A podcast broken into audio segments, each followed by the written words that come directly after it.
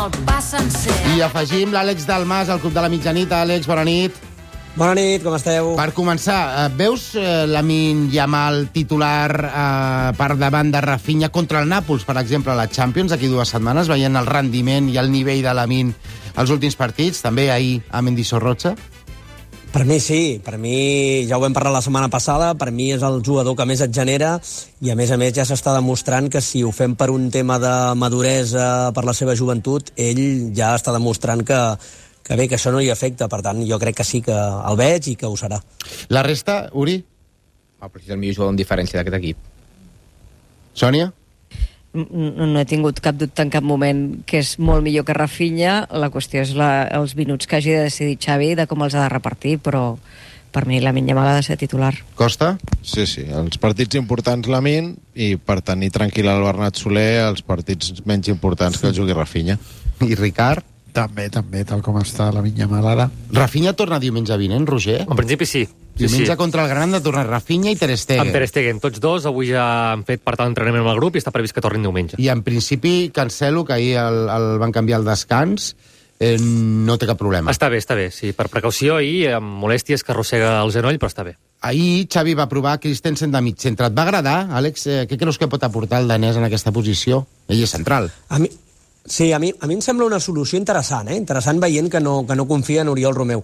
A mi em va agradar, sí, sobretot posicionalment, crec que en un equip que, que defensivament està tan, tan dèbil Uh, li va bé un pivot posicional i ell ho va ser molt. Va tenir més problemes amb la pilota, eh? li va costar girar-se, li va costar donar continuïtat al joc. Hem de pensar que de les 47 passades que va fer, només 4, només 6 van anar endavant i només 4 d'aquestes que van endavant van ser bones, amb la qual cosa ho ha d'anar agafant. Uh, jo crec que en partits on l'exigència defensiva sigui alta pot ser una bona solució, però ha de tenir continuïtat. Si té continuïtat, jo crec que s'acabarà adaptant. Ricard, tu te l'imagines a Nàpols uh, fent de mig centre? Doncs si això té continuïtat i funciona, sí. Jo també crec, com l'Àlex, que és un bon inici. I tinc la sensació que Xavi ha trobat l'Ed Milson que Xavi i Deco van tenir a l'etapa Rijkaard per darrere que els permetia anar a pressionar dalt i fer el pas endavant, sentir-se protegits al darrere, jugar amb els gairebé quatre volants perquè serien Pedri, eh, De Jong i Gundogan eh, per davant de Christensen. Eh, algú que, te, que et vigili les transicions que era una cosa que obsessionava Xavi i crec que Christensen mm, no sabrà girar o sigui, per molt que jugui no sabrà girar, com deia l'Àlex no sabrà eh, eh, perfilar-se adequadament perquè fa molts anys que juga de cara i no ho aprendrà. Però és intel·ligent, simplifica, eh, un o dos tocs, 89% de participacions, juga de cara...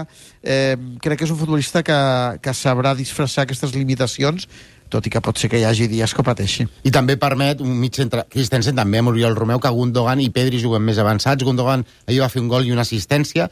Segurament els números que té Arbusà, que són molt bons, Sí, 9 assistències, 5 gols. 9 assistències i 5 gols. Més assistències que mai i uh, 6 gols dels que va fer amb el City la temporada passada, que van ser, que van ser 11. Uh, estàs d'acord, però, uh, Àlex, que els números de Gundogan al Barça en aquesta mitja temporada són més importants que la seva influència en el joc de l'equip?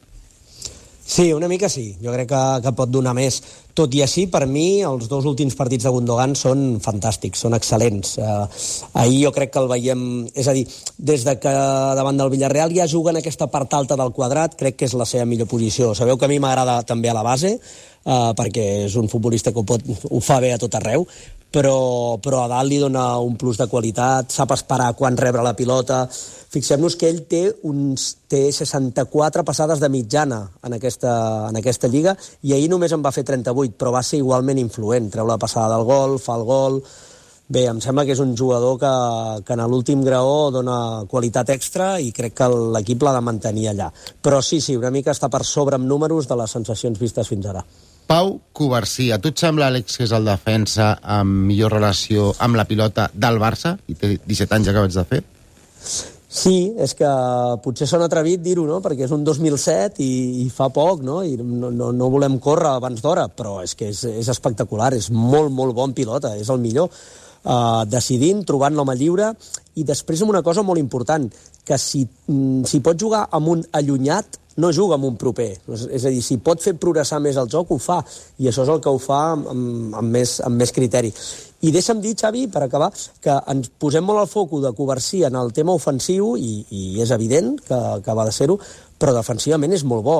Des de que va debutar a Sant Mamés, només l'han superat una vegada. Va ser Nico Williams, cap altre l'han superat. O sigui, No, només ha perdut un, un contra un, eh? Sí. És bèstia, això. Nico Williams, que a més se'n va de tothom. No, no és que sigui un, un davanter mm, poc desequilibrant. Abans eh, parlàvem de Lamin Yamal, el Nàpols, la Champions, Pau Covarsí, tot i que Íñigo ja s'ha recuperat, ahir va reaparèixer. Us, atrever, us atreviríeu amb Covarsí també per la Champions contra el Nàpols d'aquí dues setmanes i uns dies, Uri? M'atreviria, però no, no et diria que està parlant d'Iñigo Martínez. Uh -huh. Sònia? Sí, coincideixo amb, amb l'Oriol. Si, si Xavi ho veu, no, no crec que... Vull dir que, el- que l'estic veient bé. Ara, si tens a Íñigo també bé i triar Íñigo tampoc crec que, que sigui un escàndol. Costa? Igual. Ricard? Covarsí. Covarsí, eh? I Sí, Àlex, sí, tu per- qui apostaries?